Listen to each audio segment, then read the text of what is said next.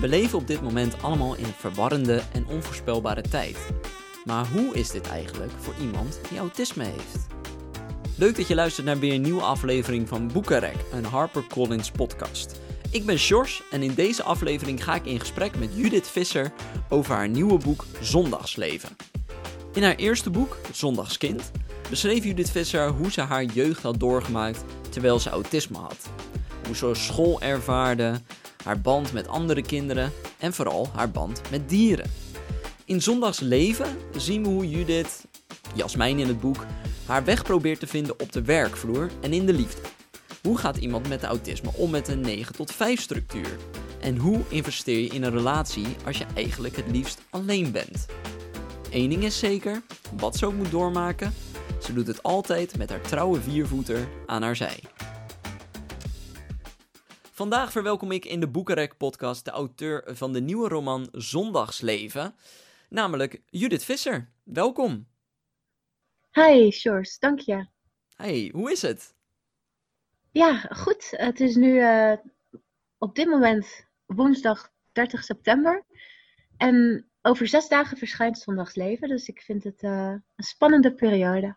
Ja, ben je een beetje zenuwachtig?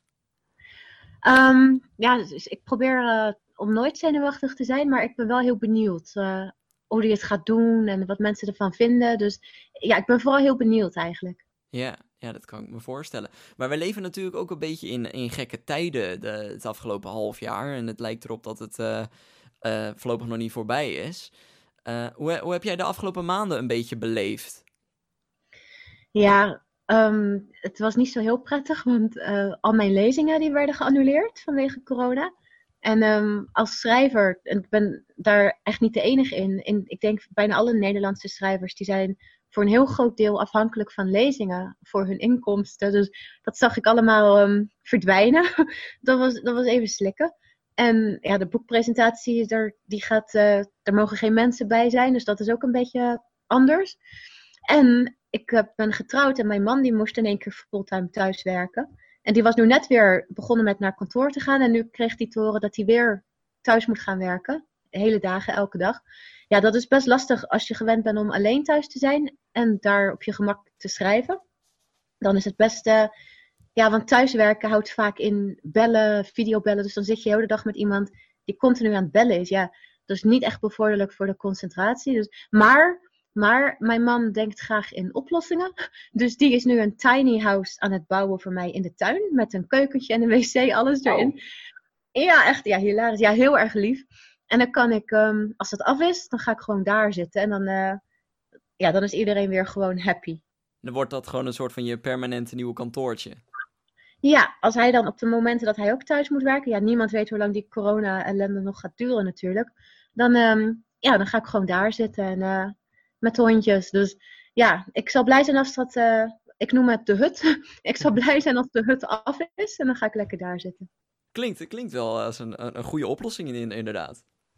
Ja, ik ben, ik, ben, uh, ik ben er ook echt blij mee. Want uh, ja, ja, ik denk dat ik echt niet de enige ben. Iedereen die in één keer ja, een thuiswerkende partner erbij heeft, die, dat is gewoon aanpassen en wennen. En ja, als je autisme hebt, dan is dat nog even extra lastig. Want ik ik heb gewoon heel veel behoefte aan rust om me heen. En je kan nog zoveel van iemand houden.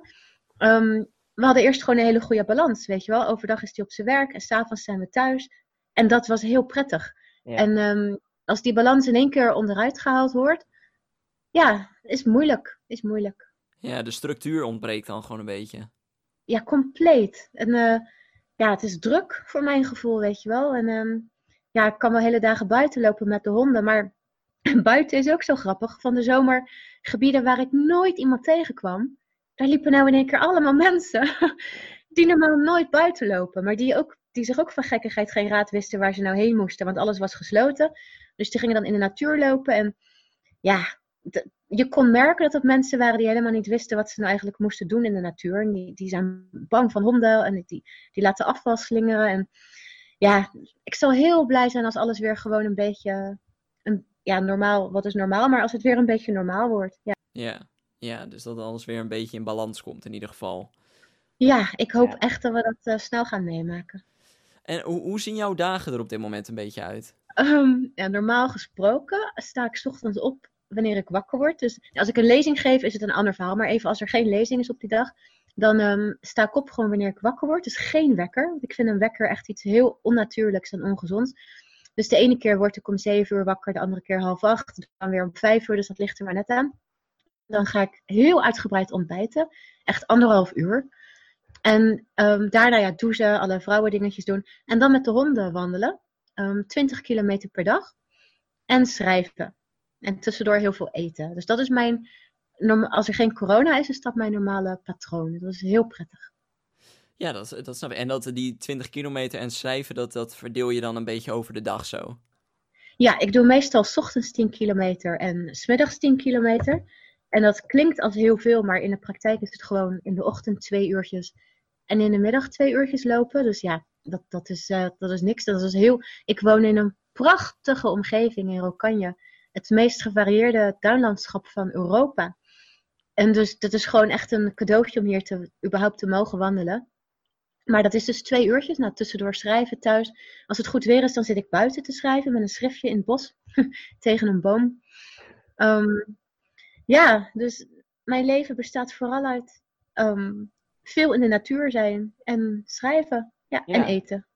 En eten. Ja, je zegt ontbijt heel uitgebreid. Moet ik dan gewoon zien als van je doet heel lang over twee uh, boterhammen, bij wijze van spreken. Of ben je ook wel echt gewoon, er komt gewoon heel veel eten bij kijken? Er komt heel veel eten bij kijken. Ja, ik ontbijt met, um, ik begin met, kijk hoor, drie bananen. Dan um, eet ik vier boterhammen met pindakaas. Dan eet ik muesli met pure chocola en kokos en jam erin en volle melk. Um, ja, eh, en volle kwark eet ik daarna ook nog.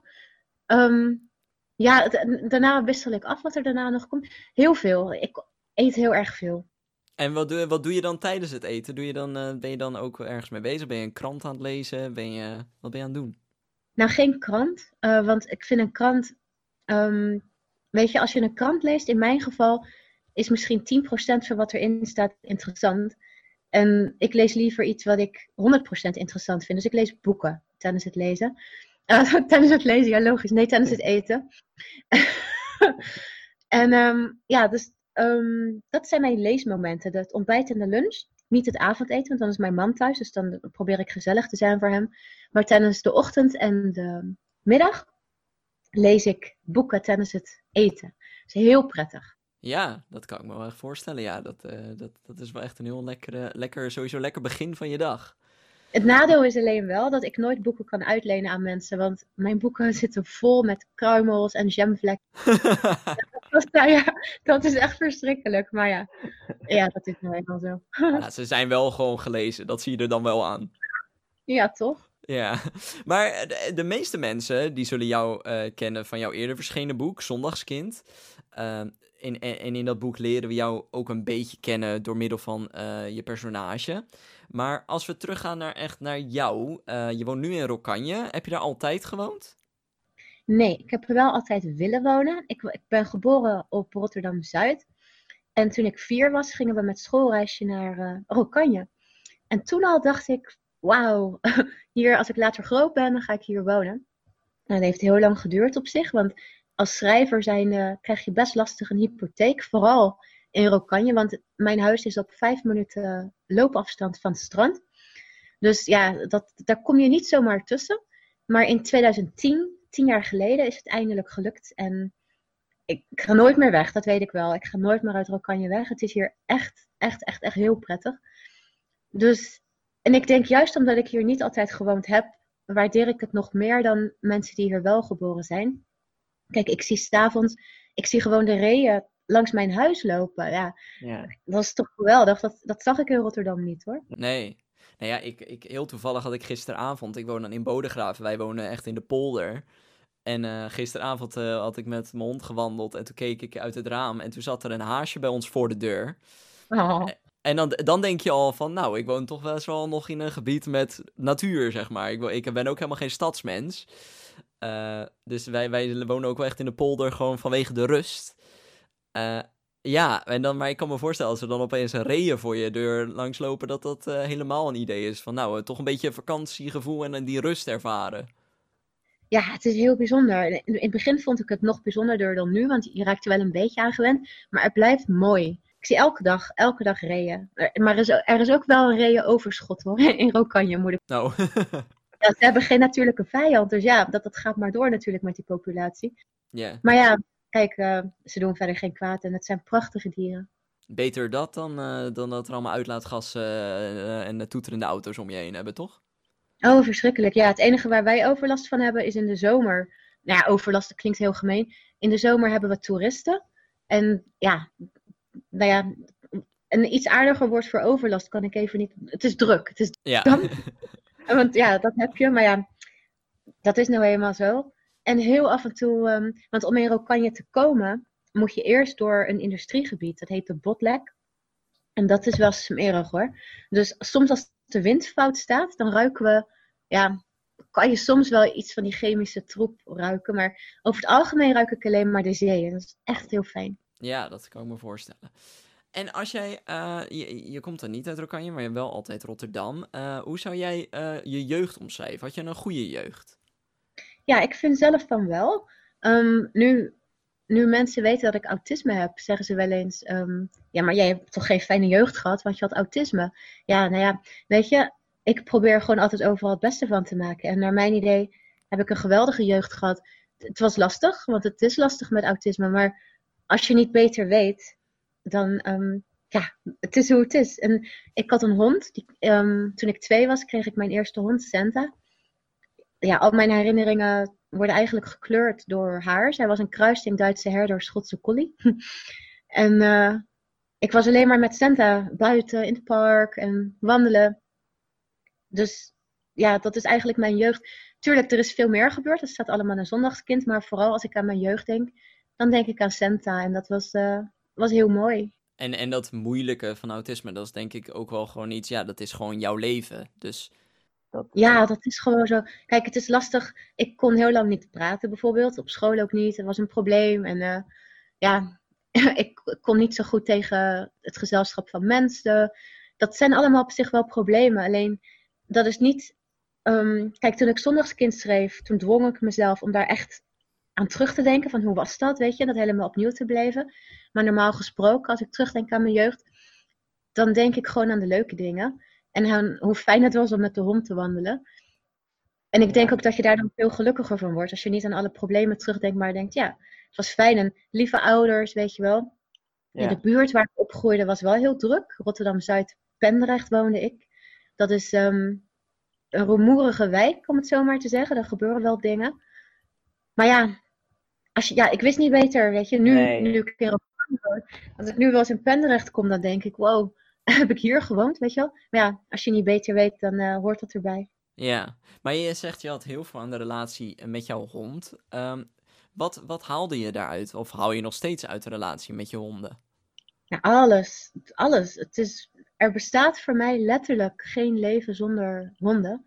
Um, en wij zijn samen één. Het is ook zo. Kijk, mijn honden. Ik praat dan even nu over de honden die ik nu heb, Jurico en Fontana. Die zijn heel positief, weet je wel. En ik ben heel vatbaar voor energie van anderen. Dus stel je voor dat je een uur lang met iemand zit die heel zagrijnig is. Ja, dan, dan word ik ook zagrijnig, weet je wel. Ja. Maar ik ben 24, 24 uur per dag omringd door twee zielen die altijd blij zijn en vrolijk zijn. En dus ten eerste houdt mij dat ook heel vrolijk. Plus, het gaat twee kanten op. Zij zijn ook heel vatbaar voor mijn energie. Dus ik kan het tegenover hun ook gewoon niet maken om te stressen of om chagrijnig te zijn. Want dan worden zij ook gestrest. En ik wil dat zij een leuk leven hebben. Dus ik ga ook gewoon niet stressen of verdrietig zijn of wat dan ook. Want dat wil ik hun niet aandoen. Dus eigenlijk houden wij elkaar gewoon heel blij. En het is fijn omdat er gaat altijd een hond mee naar een lezing. Fontana doet de middelbare scholen met mij en Jurico doet de volwassen lezingen. En dat maakt het ook zo leuk dat je samen dingen meemaakt. Weet je wel, je beleeft samen avonturen. Ja, dat is, dat is voor mij het mooiste wat er is. Ja, ja dat kan ik me wel goed voorstellen. Maar je, zegt uh, heel erg uh, de relatie met honden, maar ben je sowieso uh, heel erg ook, ja, je, ging veel de natuur in, dat doe je nog steeds. Maar heb je, ben kan je jezelf wel echt zien als een algemene dierenvriend? Heb je met alle dieren wel gewoon een bepaalde band?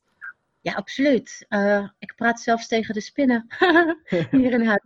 En uh, ik word ook echt boos. Als, vroeger maakte mijn man er wel eens eentje dood. Nou, daar kan je mij echt pisnijdig mee krijgen. Want waarom zou je dat doen? Want een spin is een nuttig dier.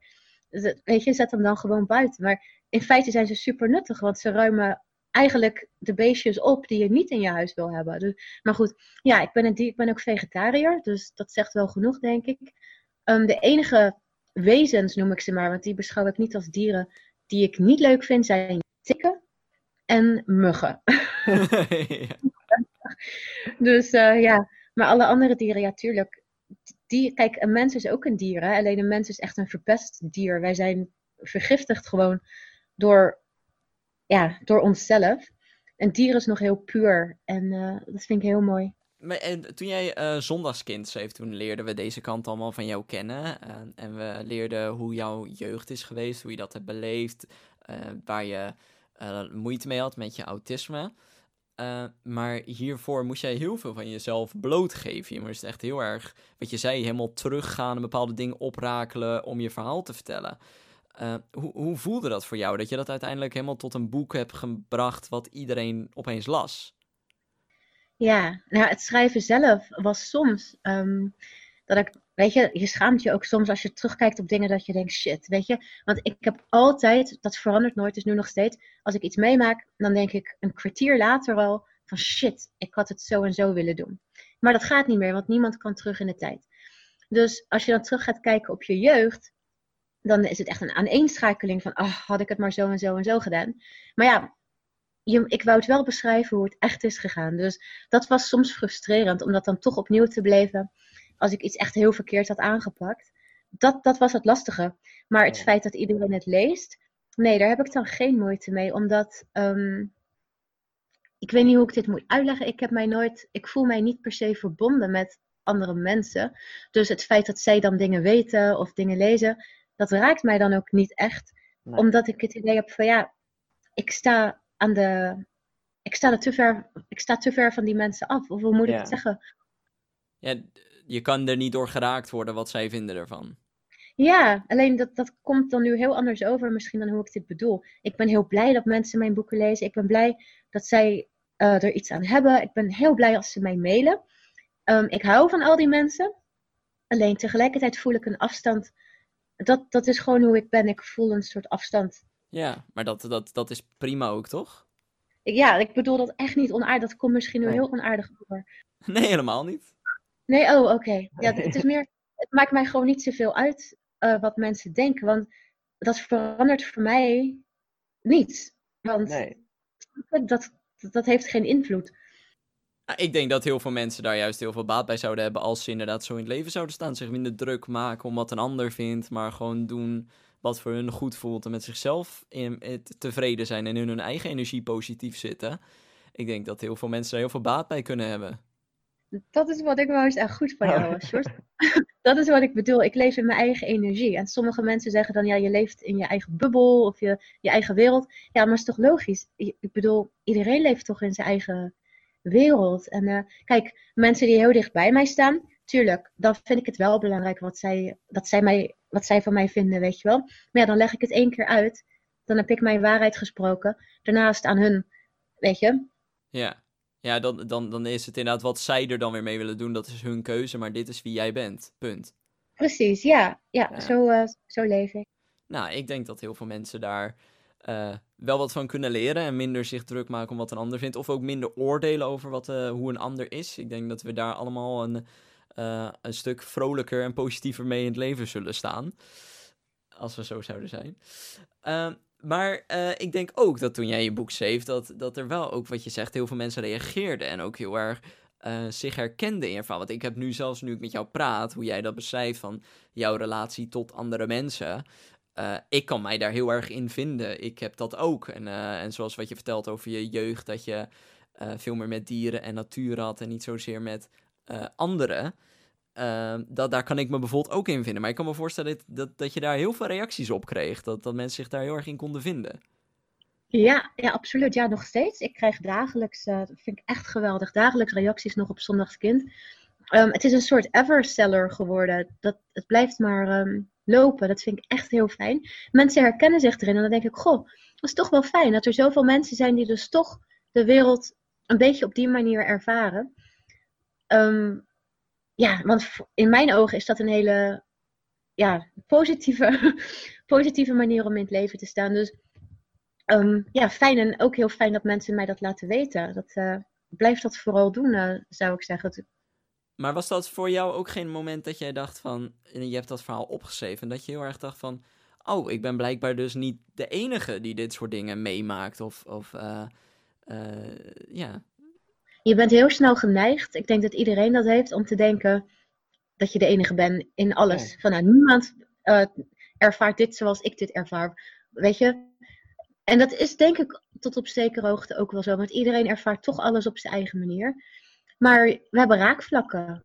Nu heb jij uh, Zondagsleven geschreven. En uh, waar Zondagskind heel erg ging over jouw jeugd, uh, je kinderjaren. Focust Zondagsleven zich heel erg op het volwassen leven. De, hoe je omgaat met autisme op de werkvloer.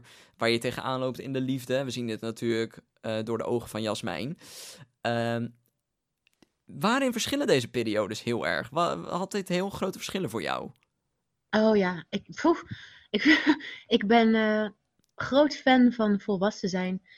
Um, in plaats van kind zijn. Omdat, ja, ik zie de wereld soms nog wel door de ogen van. Uh, ik heb een jeugdige blik, volgens mij, met hoe ik de wereld zie. Maar um, als volwassene kun je veel meer. Want als kind als kind moet je eigenlijk alleen maar alles. Hè? Je moet naar school, je moet dit, je moet dat. Je hebt eigenlijk niks te vertellen.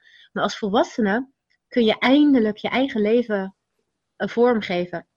En je eigen wereld bouwen. En ja, toen, toen ik eenmaal die kans kreeg om dat te gaan doen, ben ik dat gaan doen. Dus nu leef ik in mijn eigen wereld. En dat, ik bedoel, ik hoef niet meer naar school, er is geen leerplicht meer. Je, ja, ik vind, je, je hebt veel meer vrijheid als volwassene om te leven hoe jij wil leven, weet je. Je woont niet meer bij je ouders, je kan letterlijk alles zelf bepalen. Ja. Maar je komt wel in een je, komt wel in een periode met ook weer hele nieuwe uitdagingen, zoals werk en liefde. Had je dan niet dat je echt dacht van, wow, oké, nu moet ik me hier heel erg aan aanpassen? Nou, dat werken was wel een, een dingetje. Kijk, ik heb nu heel makkelijk praten als autist zijnde, omdat ik nu schrijver ben. Dus ik ben eigen baas, ik heb heel veel vrijheid. Weet je, eens in de drie jaar lever ik een boek in. En weet je, in de tussenliggende jaren word ik gewoon met rust gelaten. Maar ik was natuurlijk niet altijd schrijver. Dus ik heb eerst op kantoor gewerkt um, toen ik van school kwam. En daar was ik receptioniste. Want ik had wel die afweging gemaakt van nou, weet je, dan maar receptioniste. Want dan zit ik in elk geval gescheiden van de rest van het kantoor. Dus je zit niet in een kantoortuin, maar je zit op je eigen, achter je eigen vesting, bij wijze van spreken, achter zo'n grote balie. En dan nog vond ik het moeilijk, weet je, het geluid van de telefoon. Ik was receptioniste telefoniste, maar ik had het geluid van de telefoon uitgezet, want ik, ik trok het echt niet, dat vreselijk. Dus, maar er ging wel een lampje knipperen als er gebeld werd. Dus ik zag het wel als er gebeld werd. Eh, niet altijd, maar meestal wel. Ja, oh, ik was geen goede, ik was geen goede receptioniste op. Maar Weet je, ik vond het heftig. Er liepen heel de dag mensen langs. En um, sowieso, dat je daar van 9 tot 5 moest zitten. Dat voelde voor mij alsof je van de ene gevangenis, school, in de andere gevangenis terecht kwam. Betonnen muren. Het was een gebouw waar niet eens een raam open kon. Want dat had iets met brandveiligheid of zo te maken. Dus, en ik snakte naar frisse lucht weet je wel. En dat gebouw stond op het Hofplein in Rotterdam. Dat is het meest vervuilde stuk van heel Rotterdam ook nog, weet je. Dus als je in de pauze naar buiten ging, had je, had je nog geen frisse lucht. Maar ja, het, ik ging ook niet vaak naar buiten, want ik ging slapen in de pauzes. Ik uh, ging dan in een vergader, vergaderkamertje liggen slapen. Dat vond mijn leidinggevende ook niet uh, heel erg prettig. Ik had heel veel botsingen met mijn leidinggevende daar. En, maar ik moet wel zeggen, wat mij op de been hield. Ik probeer altijd iets te hebben om, uh, om aan vast te klampen. En waar ik mij toen aan vastklampte was dat ik dacht, ooit ben ik hier weg, ooit ben ik schrijver, ooit kijk ik hierop terug en dan lach ik erom. Nou, dat is allemaal gebeurd en dat hielp. Dus je, had, je, hield toch die hoop? Ja, ik wist dat het tijdelijk was. Ik was achter de balie bezig om mijn eerste manuscript te schrijven. En kijk, je hebt nooit de garantie dat het gaat lukken, maar ik had wel een gevoel ik had zoiets van ja, als het niet meteen lukt, dan uiteindelijk wel, weet je wel. Uiteindelijk gaat mij dat echt wel lukken. En dan heb ik nooit meer een baas, nooit meer op kantoor, weet je.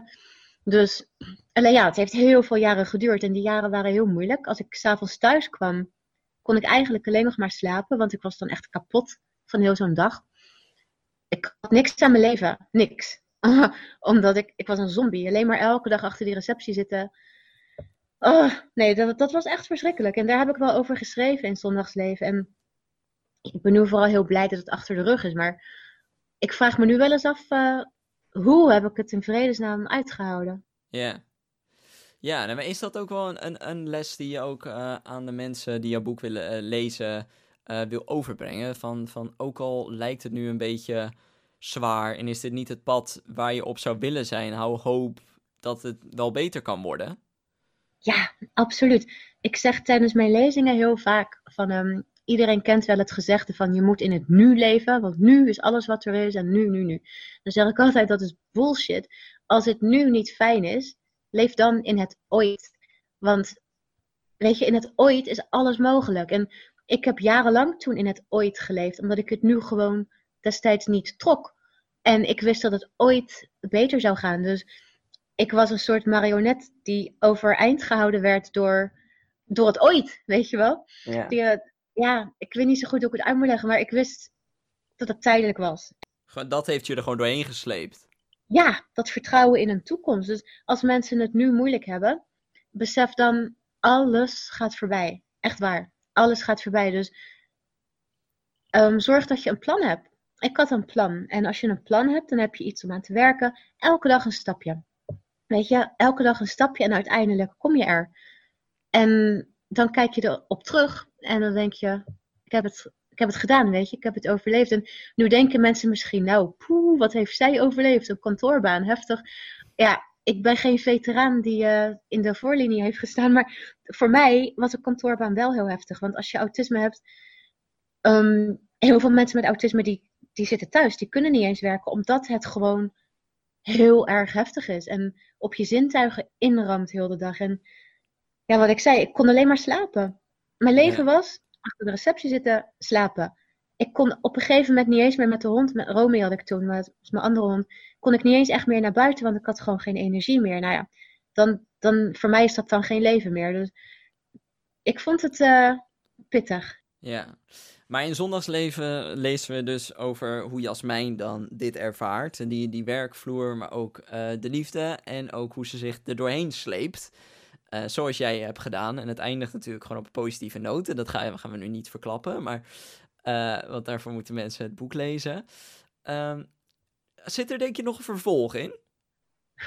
nou ja, die positieve noot. Kijk, iedereen weet wel dat ik schrijver ben geworden. Maar ja, weet je, al de details die, die staan in het boek. Dus dat mensen weten niet hoe en wat. En met de liefde, weet je wel. Ja. Maar een vervolg, nou ik blijf wel lezingen geven. Dat is wel iets wat ik blijf doen.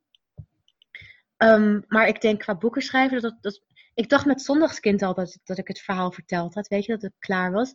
Um, toen is er toch nog Zondagsleven gekomen. Omdat inderdaad mensen zeiden, ja hallo, dit waren de kinderjaren. Maar wij willen ook weten hoe het als volwassene is gegaan. Oké, kon ik helemaal begrijpen. Dus toen kwam Zondagsleven. Maar ja, wat kan ik nu nog daaraan toevoegen? Weet je, misschien later als ik 80 ben, hoe het is om uh, als bejaarde ja. um, autisme te hebben, want daar is ook nog helemaal niks over bekend. Ik ben hartstikke bang bijvoorbeeld dat ik um, dement word later, want ik heb nu al dat ik s'nachts dement ben. En dat meen ik echt serieus. Ik word elke nacht wakker en dan weet ik niet waar ik ben. Um, ik weet ook niet wie ik ben. En dat is elke nacht opnieuw. Dat is best wel beangstigend. Oh, denk ik, jeetje, straks ben ik gewoon super vatbaar voor dementie. En uh, dus hoe, hoe moet dat gaan, weet je, later? Dus nou, dat wordt dan op zich wel een interessant boek. Ja, en Judith Visser, ik wil je heel erg bedanken voor jouw uh, bijdrage in deze podcast vandaag. Ja, jij ook bedankt. Het was leuk om te doen. En uh, ik hoop dat mensen het met plezier gaan beluisteren. Ben je nou ook zo benieuwd geworden na het vervolg op Zondagskind? Het boek Zondagsleven van Judith Visser is nu overal verkrijgbaar. En dat was het weer voor deze aflevering van de Boekenrek podcast. Voor meer gesprekken vind je ons op Apple Podcast, Spotify en alle andere podcast apps. Als je daar ook meteen even een 5 sterren review voor ons achterlaat, kunnen nog meer mensen genieten van gesprekken met hun favoriete auteurs. Voor nu wens ik je nog een fijne dag, blijf gezond en blijf vooral lekker lezen. Tot de volgende keer.